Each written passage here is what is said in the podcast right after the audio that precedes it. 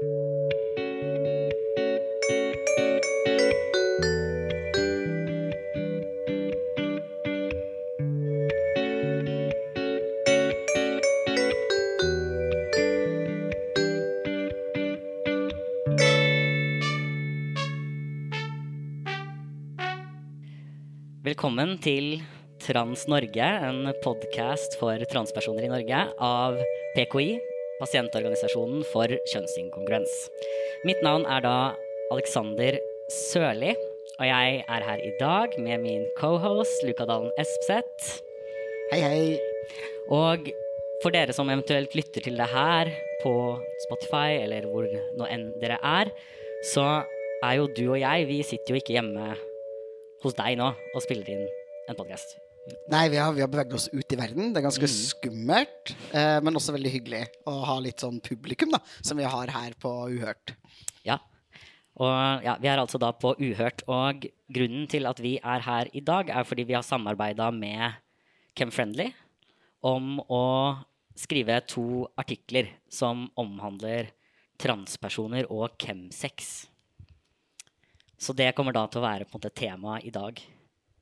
Personlig så syns jeg særlig at det er interessant. Det er alltid sånn spennende å ha denne poden foran på en måte eh, publikum som ikke spesifikt har kommet for å høre på den. Men jeg syns det er særlig interessant når det er et så snevert tema som transpersoner og chemsex, for det må vi jo kunne si at det er en smule snevert. Ja, det, jeg er enig. Det er, det er ganske smalt. Men eh, jeg er jo også veldig fan av at liksom Nå har jo alle podkast. Uh, sånn at podkastene blir jo bare smalere og smalere for hver dag som går. Så jeg tenker også at kanskje én episode ikke er nok. Kanskje vi skal ha en helt egen podkast faktisk om transpersoner og chemsex. Ja, Ja. Uh, ja, du kan jo prøve å starte det konseptet, Luka, så skal jeg, skal jeg støtte det i, i sjela mi. Tusen takk. Så eh, jeg vil jo tro at uh, lytterne våre vet hva både Eller jeg vil tro at lytterne våre vet hva trans betyr. Kanskje ikke så oversikt over hva chemsex er, mens jeg tenker at uh, her, hvor publikum kan være hvem som helst, som kanskje ikke hører på poden vår til vanlig, kanskje vi burde forklare begge deler. Hva er transfolk, og hva er chemsex? Ja, det er jo Det var lurt, Luka. Kan ikke du, kan ikke du begynne da med å bare forklare oss sånn veldig, veldig kort hva trans er? Ja. Eh, trans er jo eh, Transpersoner da, en paraplybetegnelse brukt om alle mennesker som opplever å være et annet kjønn enn det man ble registrert som ved fødsel. Og det inkluderer transmenn, som er menn som ble registrert som kvinner ved fødsel, og transkvinner, som er kvinner som ble registrert som menn ved fødsel, i tillegg til en eh, gruppe med det vi kaller ikke-binære, som er mennesker som ikke opplever seg selv verken 100% som mann eller 100% som kvinne. Um, som også er en sånn underparaply av paraplyen igjen. Um, ja. Veldig bra, jeg er enig. Jeg har ingen store innvendinger til den definisjonen. Veldig, veldig bra. Oh, det var bra. Det var så dumt vi begynte å krangle allerede nå. Ja, man kan jo krangle om det, men en definisjon som en del flere folk har krangla litt om, er jo for så vidt chemsex. Uh, og det har vi ikke egentlig noe sånt godt norskt ord for. Uh, jeg vet at det er eh, blitt prøvd litt. Um, jeg lurer på om eh, Ketil Slagstad, som er en, er en lege som har skrevet litt om det her, blant annet hadde prøvd å, å ta kontakt med noen uh, instanser for å prøve å få en sånn norsk oversettelse. Da var det litt sånn forskjellig. Det var litt sånn kjemsex, kjemisex var foreslått. Uh, kje, kjemosex var også et sånt uh, forslag som jeg tror man kom fram til. Altså knarkeknulling. I'm just putting it out there. Altså, er det, er det Nei, ok. Nei, jeg, du sier noe der, altså. Men eh, ja, det hadde kanskje vært litt vanskelig å få ting sånn publisert i sånn medisinske tidsskrifter med det begrepet. Det hadde vært veldig morsomt å se veldig alvorlige leger da, drive og bruke det. Stå på sånn alvorlig legekonferanse, så er det mange som driver med sånn knarkeknulling. Ja. Veldig, veldig bra. Men så hva, hva er chemsex, da? Ja. Eh, Chemsex er en uh, betegnelse som på en måte har blitt sånn videre og videre. Men uh, i sin originale definisjon så var det noe som ble brukt for å snakke om en spesifikk måte, seksuell praksis som oppsto i typ, mannlige homofile miljøer primært. Hvor man blanda en veldig spesifikk type rusmidler, da særlig eh, type crystal meth, som er da metamfetamin, eh, og GHB. Også noe som heter mefedron, som ikke er like populært her i Norge. Så er det også vanlig på disse eventuelt sammenkomstene. Dette Chemsex skjer ofte i form av fester. Hvor man er på en måte flere som møtes. Eh, gjerne hjemme hos noen. Det er jo ikke så veldig lovlig å drive og ta mye crystal meth sånn ute ellers, så det er på en måte stort sett i sånne lukka forumer. Um, og hvor man ofte har sex da, som varer veldig lenge. Det er også litt sånn karakteristisk da, for chemsex. Uh, og det har hatt litt sånn diverse begreper oppimellom, da. Men det kan man jo si er en sånn overall definisjon som er den originale definisjonen. Og så har man i større og større grad da kanskje tilpasset seg litt ved å inkludere flere rusmidler, og også inkludere måte flere grupper i det begrepet. Men folk er litt sånn uenige om hvor den grensedragningen skal gå, da, for så vidt. Ja, for mitt spørsmål da er på en måte Er det, er det rusmidlene som blir brukt spesifikt, eller er det på en måte litt mer den kulturelle, hvis man kan kalle det, da, settingen det inngår i, som er avgjørende for hvorvidt noe blir kalt, eller kanskje også burde bli kalt for chemsex? Ja, um, så det begrepet er ofte på en måte uh, tracet da tilbake igjen til uh, en som het uh, David Stewart. Uh, som døde for ikke så lenge siden, for øvrig. Veldig veldig kul, fin fyr som har vært her også i Norge mange ganger faktisk og snakket om det her temaet. Um, og han var veldig opptatt av nettopp den her kulturelle konteksten. Altså Han forsto på en måte chemsex som en form for praksis som i hvert fall til dels da, oppsto fordi på en måte, skeive menn hadde mye problemer kanskje med sin egen seksualitet. Um, han tracer også mye tilbake igjen til hiv-angst og aids-epidemien. altså En tid hvor det å ha sex da, var noe som potensielt kunne drepe deg. altså Hvor sex ble dødelig, og hvor på en måte skeive menn, da, eller kanskje spesifikke subset, i hvert fall, skeive menn, som kanskje er mer sårbare for å bli utsatt for homofobi også, har, altså driver med denne typen sex. Når det er sagt, så er det ikke sånn Det begrepet har jo utviklet seg for så vidt, sånn at det, det er ikke gitt at vi skal være eh, binde oss til at det David Stewart eh, på en måte mente om begrepet, er det det er. Men han var veldig opptatt av nettopp denne tanken om da, at det her var en veldig spesifikk eh, ja, kulturell praksis da, som var tilknyttet det mannlige homofile miljøet. Ja. Uh, og så er det selvfølgelig litt sånn at man også har vært opptatt av de her rusmidlene spesifikt fordi man har sett f.eks. Uh, en del overdoser knytta til uh, det å blande GHB med andre ting, og også f.eks. Uh, det at typ, eh, crystal meth er også litt sånn notorisk for å få deg til å på en måte pule og holde på veldig veldig lenge. eh, og ha en type sex hvor du er særlig utsatt for f.eks. hiv-smitte. da, Også nå. Så det er også på en måte sånn høyrisikopraksis i forhold til um, altså hiv-smitte og måte, seksuell helse generelt. Mm. Mm.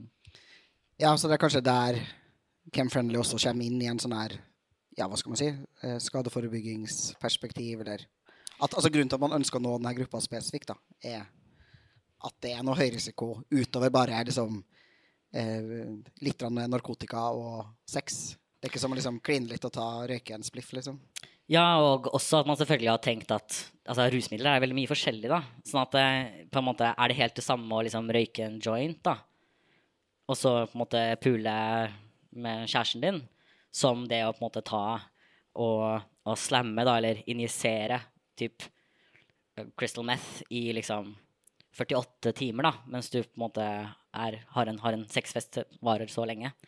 De to tingene er liksom forskjellige, da, i både måte, hvor risikofylte de er, men også kanskje hva slags eventuelle problemer som kan oppstå, da, eller hva du på en måte trenger hjelp med.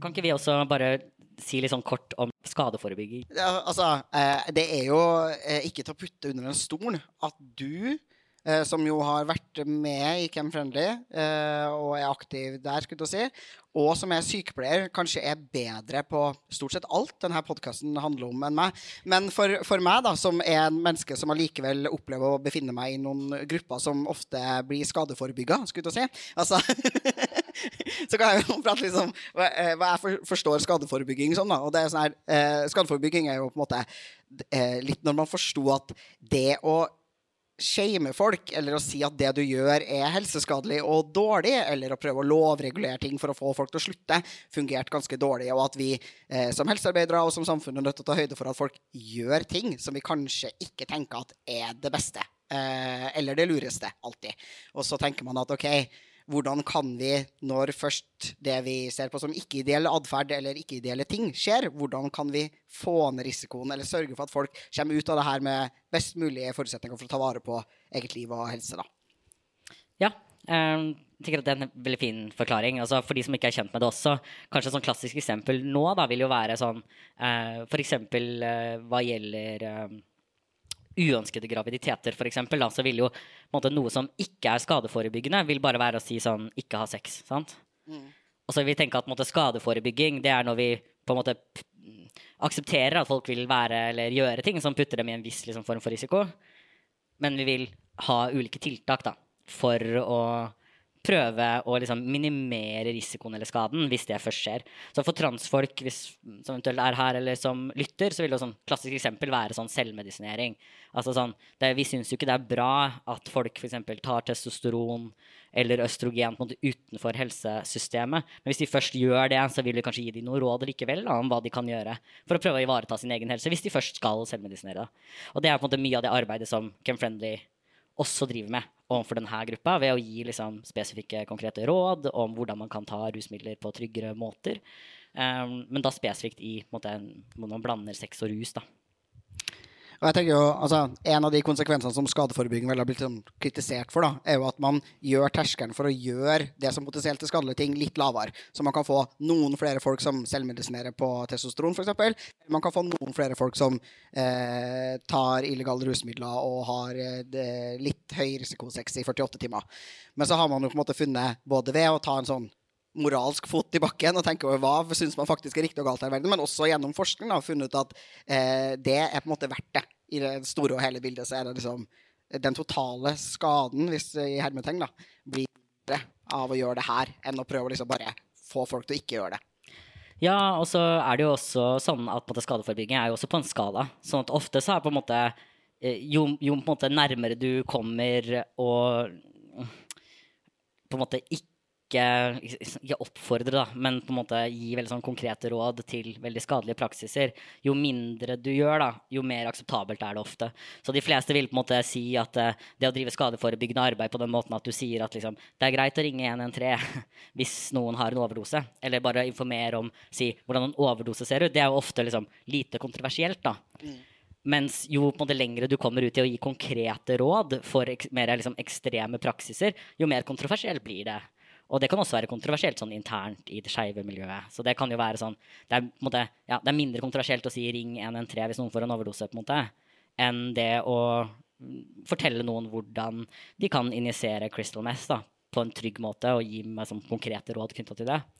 Um, og så er det jo ikke til å komme unna at måte, Chem Friendly nok ligger på den siden som er på en måte mer kontroversiell.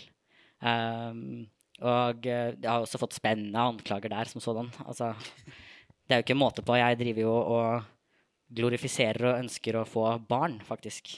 Barn, ja. Barn til å ta masse chem chems. Ja. Det er min agenda, da. For å groome dem inn til å bli trans og ja. homo. Ja, jeg tror det. Og, ja. Trans og homo og alt. Vi er alle glad for at Twitter er i ferd med å dø, sånn at vi slipper å forholde oss til denne samtalen. Endelig kunne Elon Musk bidra til noe positivt. ok. Nei. Um, fordi, altså, som, eh, som, en eh, transperson i verden, som man jo vel kan si at jeg er, så er det jo sånn at jeg, jeg føler veldig ofte at jeg mangler relevant informasjon. Uh, og det kan være, altså Hvis vi snakker spesifikt om chemsex-feltet, så er det sånn her Jeg mangler informasjon om seksualiteten min som transperson, og så mangler det også ganske mye informasjon der ute om rusmidler generelt. Fordi det er fortsatt i norsk kontekst relativt kontroversielt å gi eh, konkrete råd om hvordan man skal skaderedusere når folk bruker eh, illegale rusmidler. Eh, og det her er jo et spennende landskap som jeg tenker at vi skal utforske. Ja. det, det, er det. Eh, og da kommer vi også litt inn på de artiklene som er skrevet, som jeg anbefaler folk å lese hvis de er interessert om, i det. Uh, det Alexander skrev veldig bra artikler. Ja, tusen takk. Vær så god. um, den ene er et intervju med en transmann som har valgt å være anonym, som forteller om ulike erfaringer med chemsex og chemsex-miljøet som transperson. Mens den andre, der jeg, skriver jeg en del om litt sånn hva vi vet av forskning, men også hvorfor det er så utrolig vanskelig, egentlig. Å snakke om, eller i det hele tatt finne informasjon da, om hvordan man kan holde seg selv trygg når man er på en måte en, en transperson. uh, i på en, måte, en chemsex-setting. Fordi du blander jo på en måte to forskjellige ting som begge deler er litt sånn komplekse. Og den ene av dem, for vi kan jo begynne med den, er jo det her med på en måte seksuell helsefeltet. Um, for det er jo unektelig et sted hvor de sliter fryktelig mye med å forholde seg til transfolk. Ja. Ja, altså eh, bare det liksom, Du nevnte i stad at her, liksom, hele feltet tar liksom utgangspunkt i det vi kaller liksom, eh, menn som har sex med menn, eller MSM-miljøet, eh, eller verden. da. Eh, og der er det jo det er gjort masse forskning i verden på menn som har sex med menn. Og så har man i varierende grad valgt å inkludere ymse grupper med transpersoner i denne gruppa menn som har sex med menn, med mer eller mindre hell. Og det vi jo ser, er jo typ at både i forskning, men også i informasjonsarbeid ut mot transgrupper, så har man til dels uhensiktsmessige måter da, å klassifisere og kategorisere forskjellige transfolk. Eh, og innimellom så inkluderer man for lite, og innimellom så inkluderer man rett og slett for mye, tenker jeg. Kan ikke du snakke litt om det? jo, jeg kan snakke litt om det. Um, så seksuell helsefeltet er jo på en måte et sted som er kanskje litt sånn unikt komplisert da, for akkurat transfolk, og kanskje særlig transfolk som har tatt en eller annen form for kjønnsbekreftende behandling. For det første så er det et felt hvor helsen din faktisk sånn helt reelt er ganske knytta til måte, hva slags kjønnsorganer du har, og hvordan de fungerer. Um, I tillegg til måte, din reproduktive kapasitet. Det er jo en av de få tilfellene hvor de her tingene faktisk kan være relevant. Da. Altså, som transfolk så blir vi jo hele tiden snakka til og om som om det er relevant hele tiden, men det er det jo ikke. Men i seksuell helsefeltet så er det jo faktisk helt reelt faktisk ganske viktig. Um, og den andre er at forholder, man forholder seg veldig mye da, til statistikk og slikt, som også um, tar utgangspunkt i å måle risiko, ikke bare basert på hva slags kropp du har, eller hva slags praksis du har, men også hvem du ligger med, og hvilken måte, krets det er du har din sex i. da. Uh, og her blir også på en måte, transfolk kompliserte.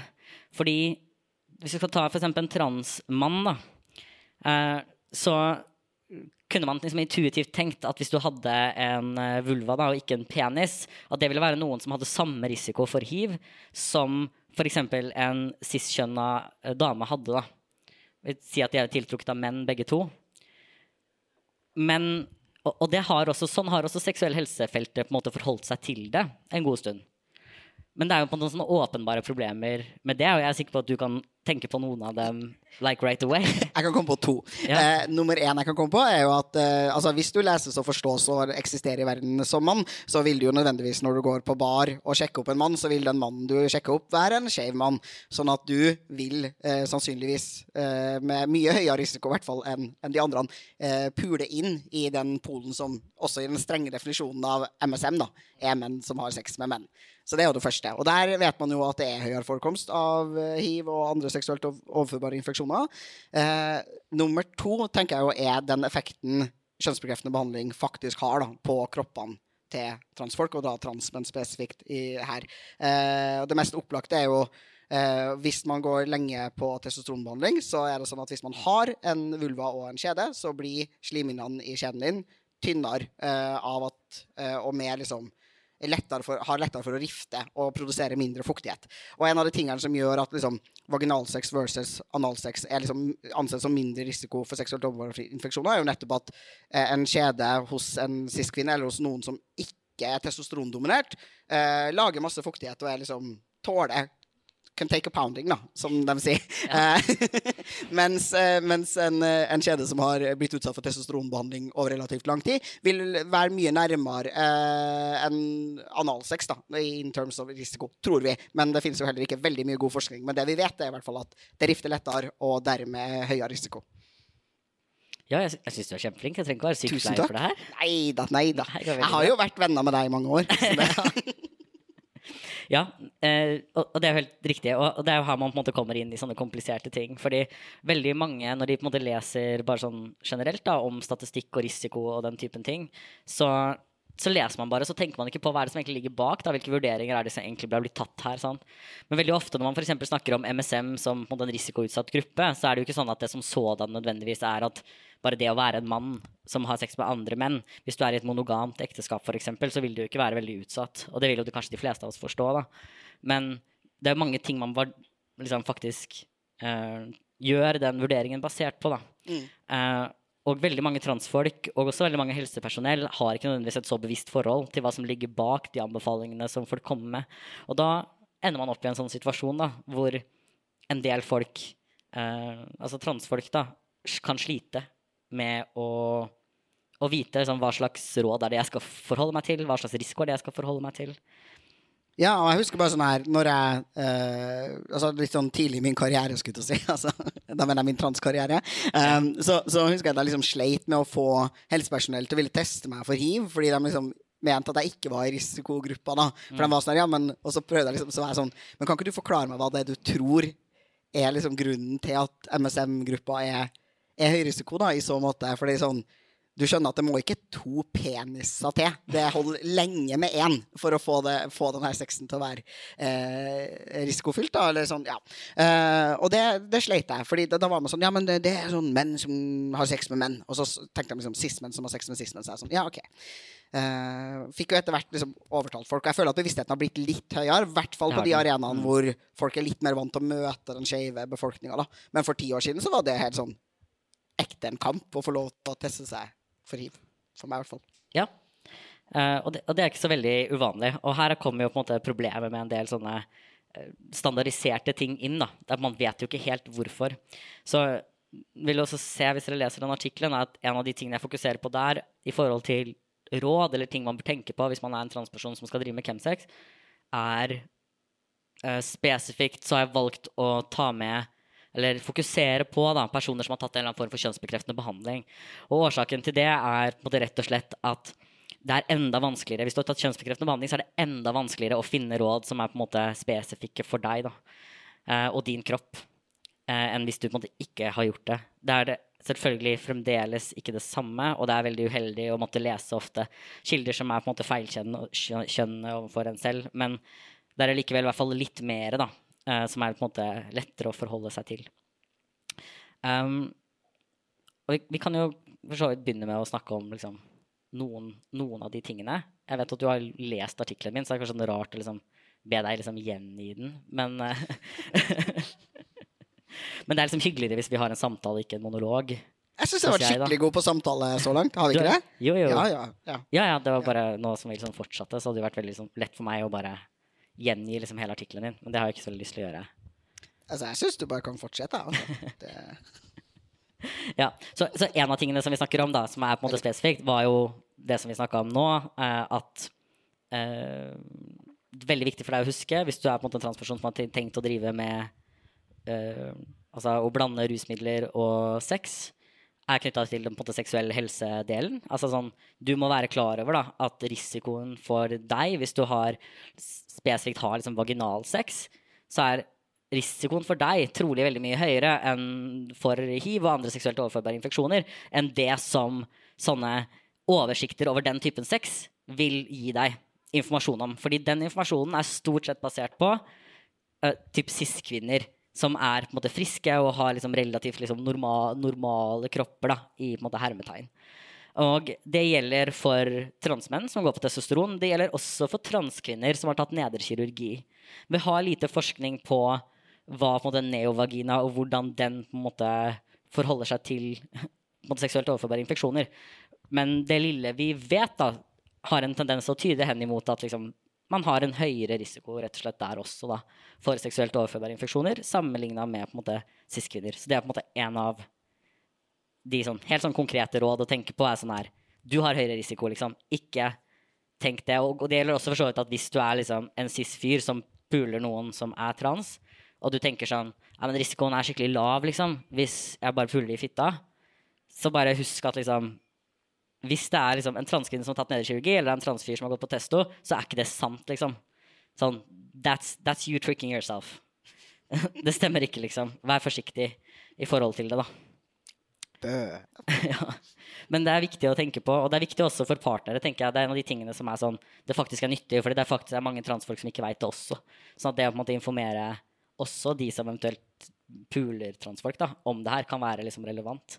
Ja, definitivt. Og liksom sikrere sex og sikrere praksis generelt det er jo en joint effort, på en måte. Mm. Man trenger at alle parter har informasjon.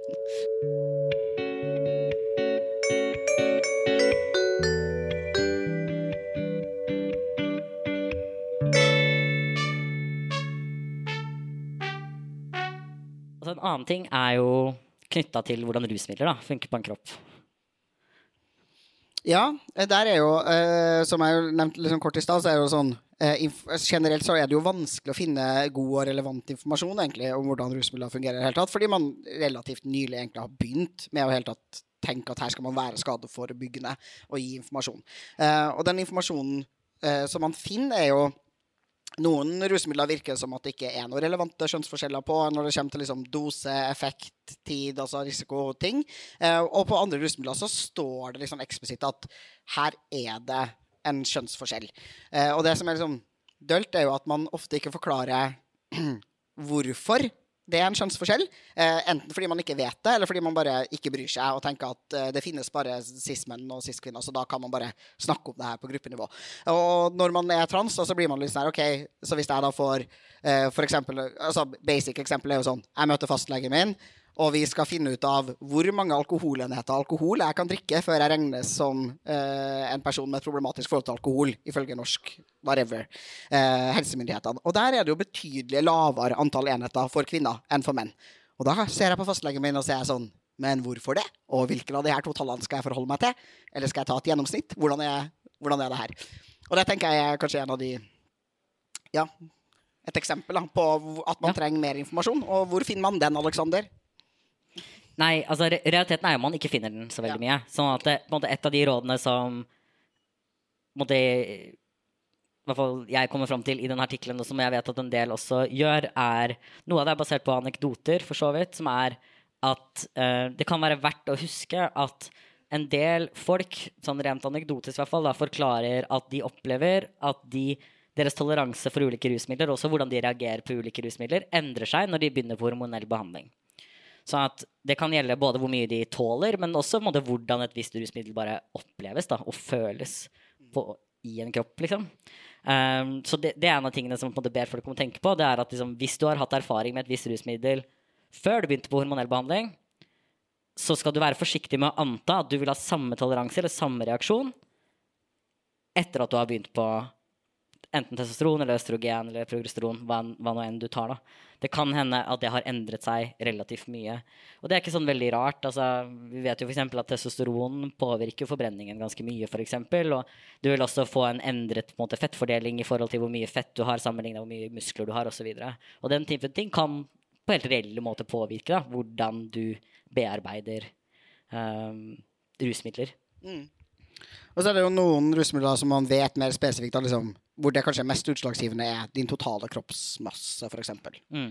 Eller hvor stor du er. Og det vil jo hvis man er ofte, da, altså hvis man snakker om gjennomsnittsforskjeller, så vil jo transmenn ofte være mindre i snitt enn det cis-menn er.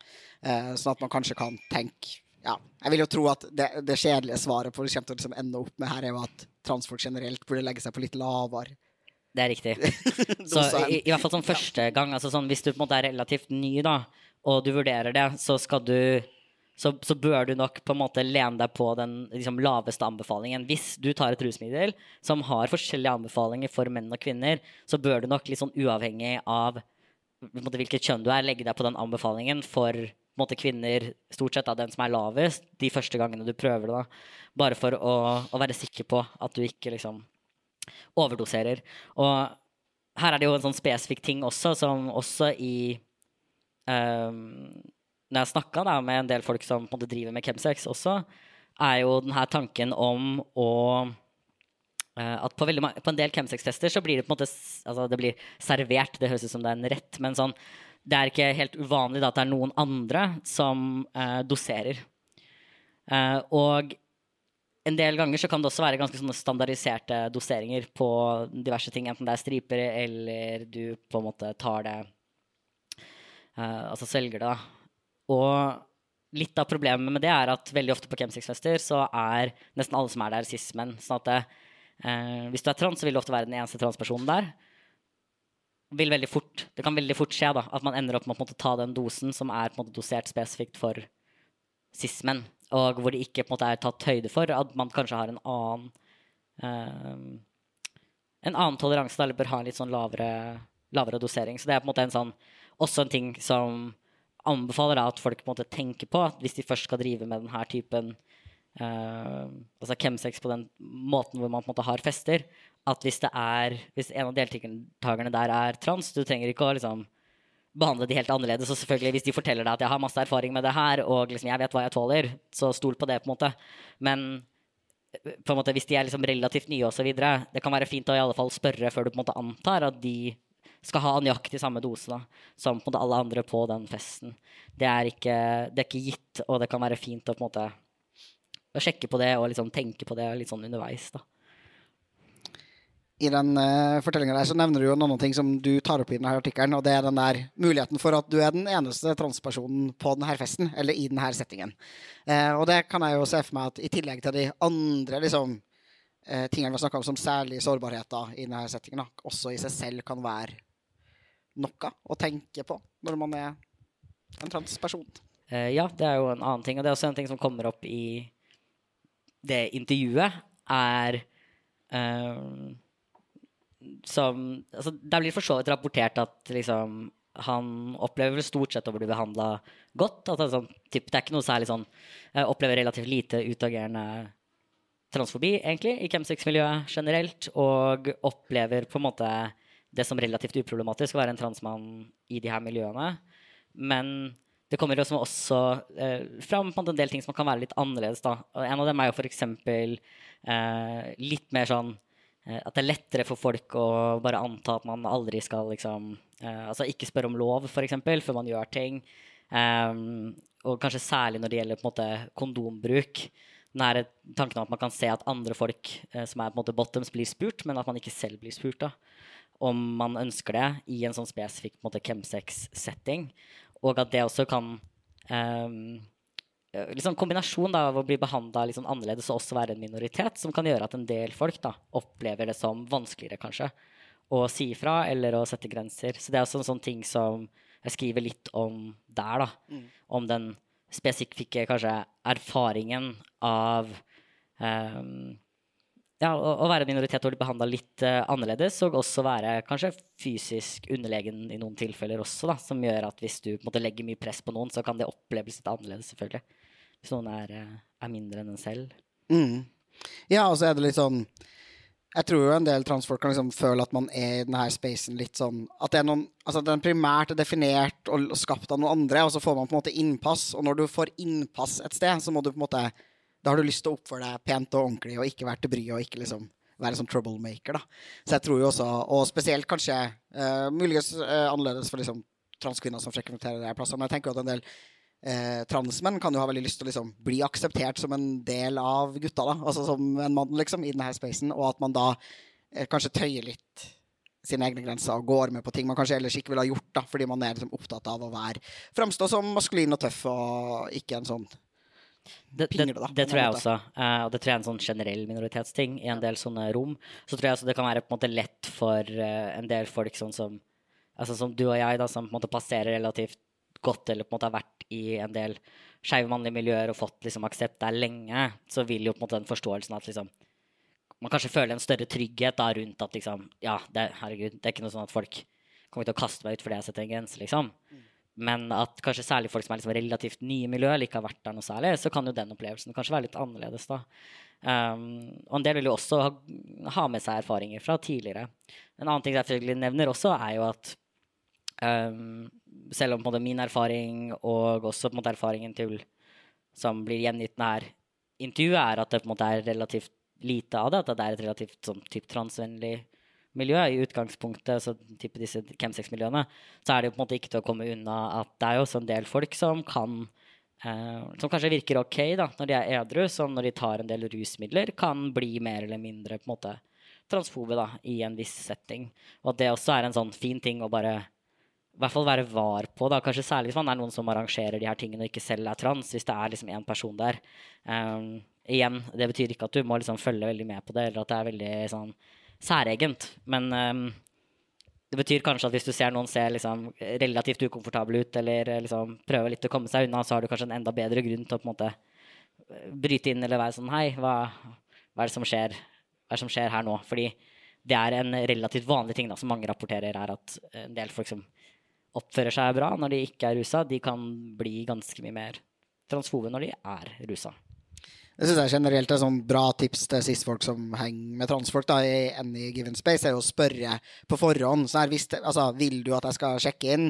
Eh, hvis noen sier noe som jeg reagerer på som cis, da, jeg, vil du at jeg skal bryte inn, eller vil du håndtere den situasjonen selv? Eller sånn hvis jeg, tar, hvis jeg får øyekontakt med deg, hvis du bare holder blikket mitt, liksom, skal jeg komme bort. Altså, at man kan ha noen sånne cues, da. Eh, og det tenker jeg kan gjelde på liksom, chemsex-party, eller hvis man er i en garderobe eller på bar eller wherever. da. At det er liksom det er fint hvis man har den muligheten. da. Hvis man er med en venn. liksom. At man kan prate om det på forhånd. Ja, ja. Og bare, men også bare vite at du har noen som Og det er et generelt råd òg. Altså, hvis du er trans, så er det sånn du bør være litt ekstra forsiktig. da. Ja. Tenk på det, liksom. Altså, sånn, du, du vil helst vite at du i hvert fall har én alliert på den festen som du vet at ikke er eh, skikkelig kjip da, på transting, liksom. Som kan backe deg hvis noe skjer. Um, sånn Begynner liksom å nærme oss slutten, men en annen ting som liksom kommer litt opp der, er jo også sånn uh, hvordan eventuelt liksom transmiljøet da forholder seg til chemsex eller det å blande rus og sex. Jeg vet ikke om du har noen sånne tanker om det? Nei, så min opplevelse er jo at det finnes liksom Det finnes på en måte et, en, et transmiljø som er veldig normativt på alle mulige måter, hvor folk stort sett er liksom veldig feminine kvinner og veldig maskuline menn, og det er ikke så mye plass til verken ikke-binære eller skeive eller folk som driver med chemsex, eller folk som er sexarbeidere eller andre former for liksom, normbrudd. Og så finnes det et annet liksom, mer inkluderende transmiljø som er åpen for ganske mange former for normbrudd. Jeg tenker at Når man først liksom har brutt med eh, ja, både cis-normen og heteronormen, så er man kanskje mer del av et, et litt mer åpent miljø.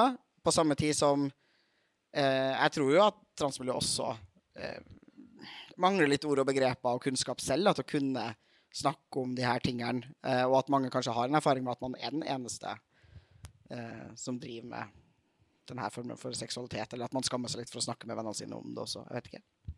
Mm. Ja. eh, jeg, jeg tror kanskje at transmiljøet som sådan er litt sånn, ofte litt sånn avkobla fra en del ting som relateres til liksom skeiv mannlig kultur. Mhm.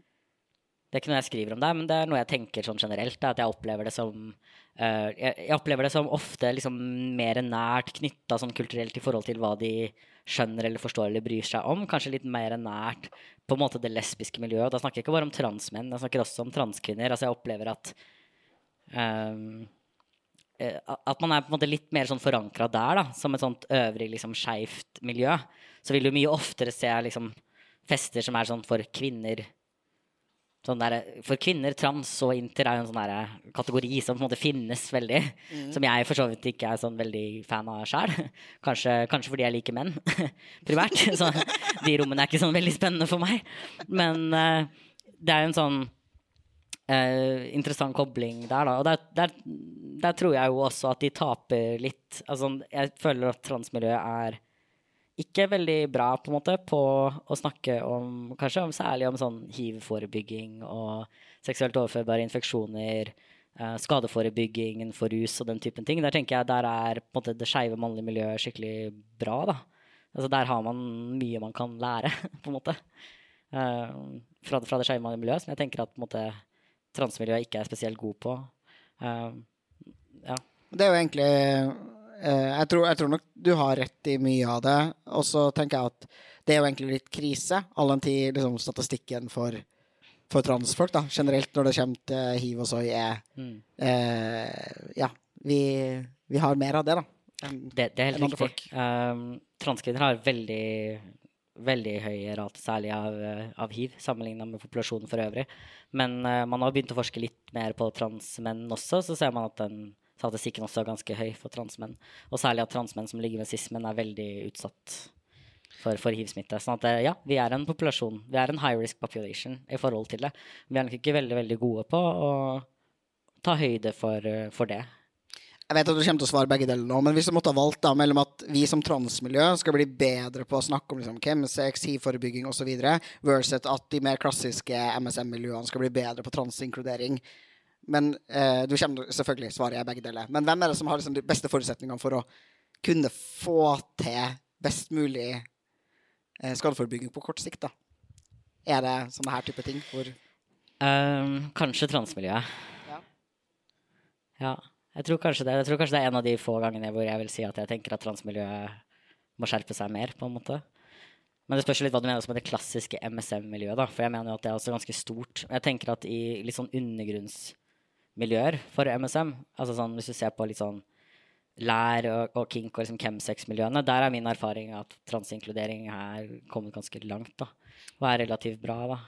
Ja, for det er det jeg tenker med det du sa om i stad, at, liksom, at du føler at en del av de liksom det primært sentrert rundt lesbiske miljøene er liksom mer sånn eksplisitt transinkluderende. Så tenker jeg at det er bare fordi de snakker liksom mer om det. da. Jeg føler jo at MSM-miljøet er veldig sånn casual transinkluderende, men har ikke Ja, sånn, men Nå tror jeg kanskje du misforstår. For Ja, okay. jeg tenker ikke at det er mer transinkluderende.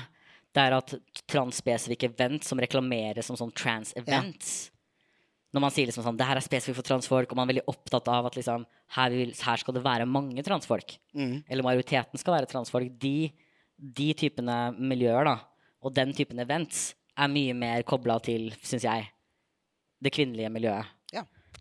Så at det handler ikke om hvem som inkluderer mest. Fordi ja, det er helt enig. Jeg syns ikke det er noe mindre inkludering i, i MSM-miljøet. Det er mer at jeg opplever at transbevegelsen selv velger å koble seg på, da. Den på en måte sånn lesbiske eller skeive kvinnelige delen Mm. av det skeive miljøet mer. Eh, og det har, tror jeg jo liksom dessverre også gjør at annet de som kanskje er mest utsatt da, for eh, Særlig for måte, seksuell eh, altså smitte seksuelt, men kanskje også til f.eks. partnervold og den typen ting, bare i kraft av å være personer som liksom dater sismen, som ofte er måte den største trusselen som sådan. Da tenker jeg kanskje primært på liksom, heterofile transkvinner, f.eks. Som dater heterofile cis-menn, er jo en veldig high risk-gruppe. Ja. Som jeg opplever at også ikke har eh, så stor plass da, i på en måte transmiljøet som de kanskje burde ha. Altså, det er en sånn, den liksom ekskluderingen av cis-menn spesifikt fra transmiljøet Mm. er, eh, tenker jeg er uheldig, da. Ved å på en måte støte ut kanskje noen av de transfolka som har mest behov, egentlig, for på en måte trygge arenaer, f.eks. å mingle eller date eller pule Ja. folk, liksom. um, så, så jeg tror kanskje jeg ville valgt det transmiljøet den gangen. Hva med deg? Uh, nei, altså, som alltid, da, så you make a good argument, liksom. Det um, Jeg er Jeg vet ikke. Jeg føler liksom Jeg føler at transmiljøet kanskje har nok å jobbe med sjøl, som er sånn veldig sånn transspesifikke ting. Så jeg tror at det er liksom mye å legge på oss. da At vi har litt lite ressurser. Så jeg setter veldig liksom pris på sånne helt sånn spesifikke ting som at uh, Ken Friendly er veldig eksplisitt transinkluderende og prøver å gjøre denne type outreach. da Og være sånn her, ok, Hvordan kan vi gi relevant og god informasjon da til transmiljøet, og at det kanskje er det første steget. Kan ikke være litt sånn Ole Brumm, da? Ja takk, begge deler. Åh, ja, altså, jeg er jo bifil, så det Bring it! Du er alltid ja takk, begge deler? Alltid. Ja, men så bra. Alle og, delene, selvfølgelig. og Ja. poli også. Poli, ja. All, uh, check all the boxes. Ja, men Så flott. Da lurer jeg på om vi skal begynne å avslutte. Um, vi har for så vidt fem minutter. da. Hvis det er noen som sitter inne og som brenner med et spørsmål, så kan vi ta det. Eller så kan vi avslutte. Og det, bren det brennes faktisk Det brenner. med spørsmål. Ja. Ja, vil du Hei, An Andreas uh, heter jeg. Uh, pronomen han. Uh, tusen takk for morsom og interessant og spennende samtale. Og takk, Alexander, for veldig bra eh, artikkel. Eh, jeg For to veldig bra artikler. jeg jeg lurte på litt eh, om å ha en alliert. Og så tenker jeg at i hvert fall for um, SIS uh, Men så er det av og til sånn at uh, det er det rådet vi alltid gir, og så uh, er man ute på byen, og så er man full, og så går man på Grinder, og så havner man på en fest, og så har man brutt liksom både at det er spontant, man kjenner ingen, og man har drukket alkohol på forhånd. Og med um, transmenn som jeg kjenner som også ruser seg, så for meg så virker det som det er litt samme greie. Så jeg ville lurt på om du kunne svare litt på om det er noe av det samme utfordringen der, med at rus ofte er spontant, da, og da er det litt vanskelig med de skadeforebyggende rådene.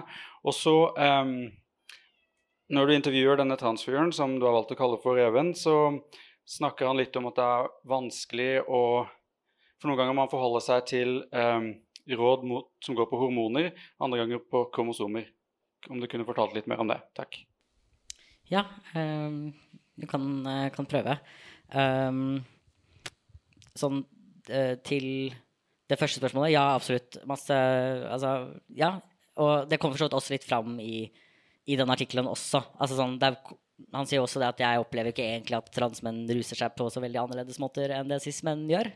Som han jo sier, som er sånn her Jeg opplever utgangspunktet at jeg liksom har ganske lignende grunner til å ruse meg som det liksom cis-menn sier at de har. Jeg opplever stort sett at den likheten da, er på en måte større enn forskjellen, og det tror jeg jo ofte er sant. Særlig for på en måte transmenn som er i de her skeive mannlige miljøene. Og det gjelder også det å ruse seg spontant og på en måte bli med folk hjem og den typen ting. Uh, igjen, det her er jo Når jeg sier liksom det er fint å ha en alliert, så er jo det vel så mye som et skadeforebyggende råd. Det betyr ikke alltid at det er realistisk, at det blir sånn.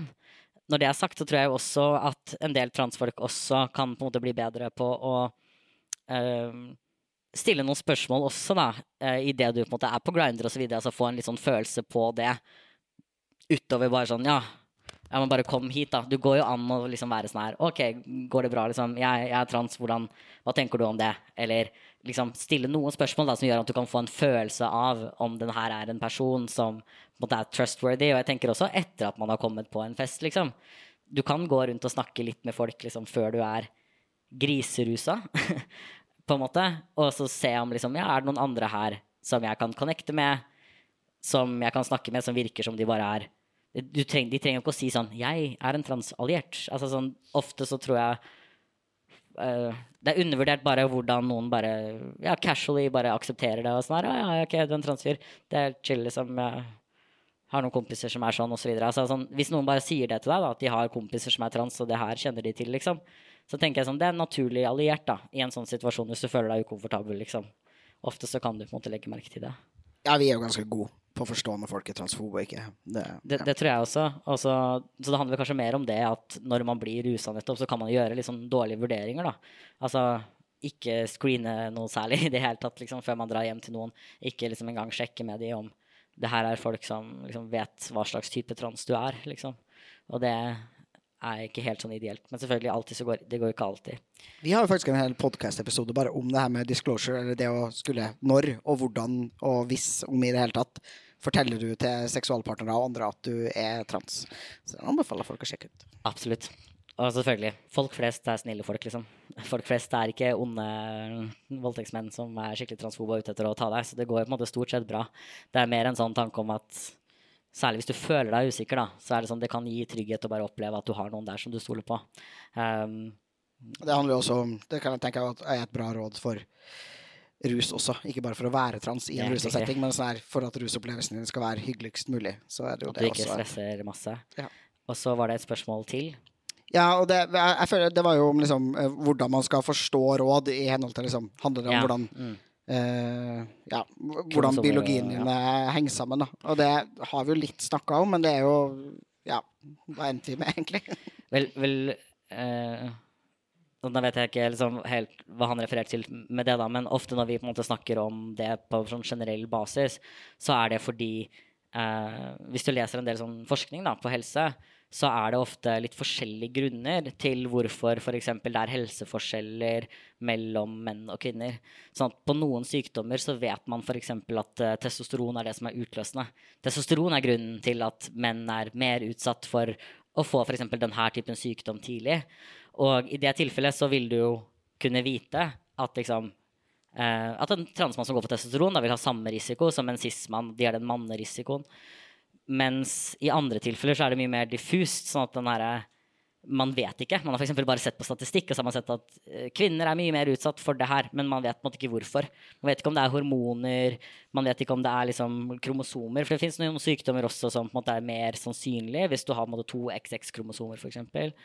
Eller om det handler om på måte, størrelsen på liksom, leveren din da, eller nyrene. Så det er sånne type ting som noen av de endrer seg når du tar kjønnsbekreftende behandling, men andre ikke gjør det. Men dessverre så er veldig mye medisinsk forskning er bare basert på sånn Egentlig bare statistikk da, på hvordan på måte, kvinner flest eller menn flest gjør det. Og det er, eh, kan bli veldig veldig komplisert da, for transfolk når man ikke vet liksom, hvem av de man skal forholde seg til.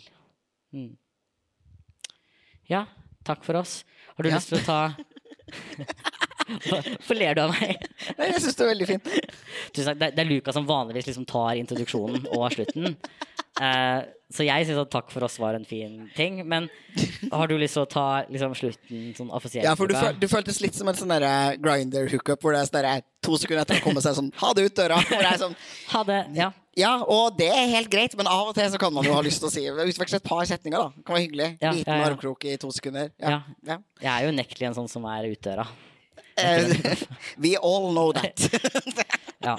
Du har den viben. Uh, ja, jeg som er mer en armkrok kind of vibe, da, tenker at det er veldig hyggelig at vi ble invitert hit eh, i kveld. Og det har vært veldig veldig koselig å ha dere alle som publikum. Jeg håper det her har vært nyttig for dere som var til stede. Og så håper jeg at det også blir nyttig for de transfolkene som eh, eventuelt driver med chemsex eller er nysgjerrig på det der ute i verden. Og generelt også tenker jeg jo at vi har gitt mange gode tips som er applicable i andre typer settinger.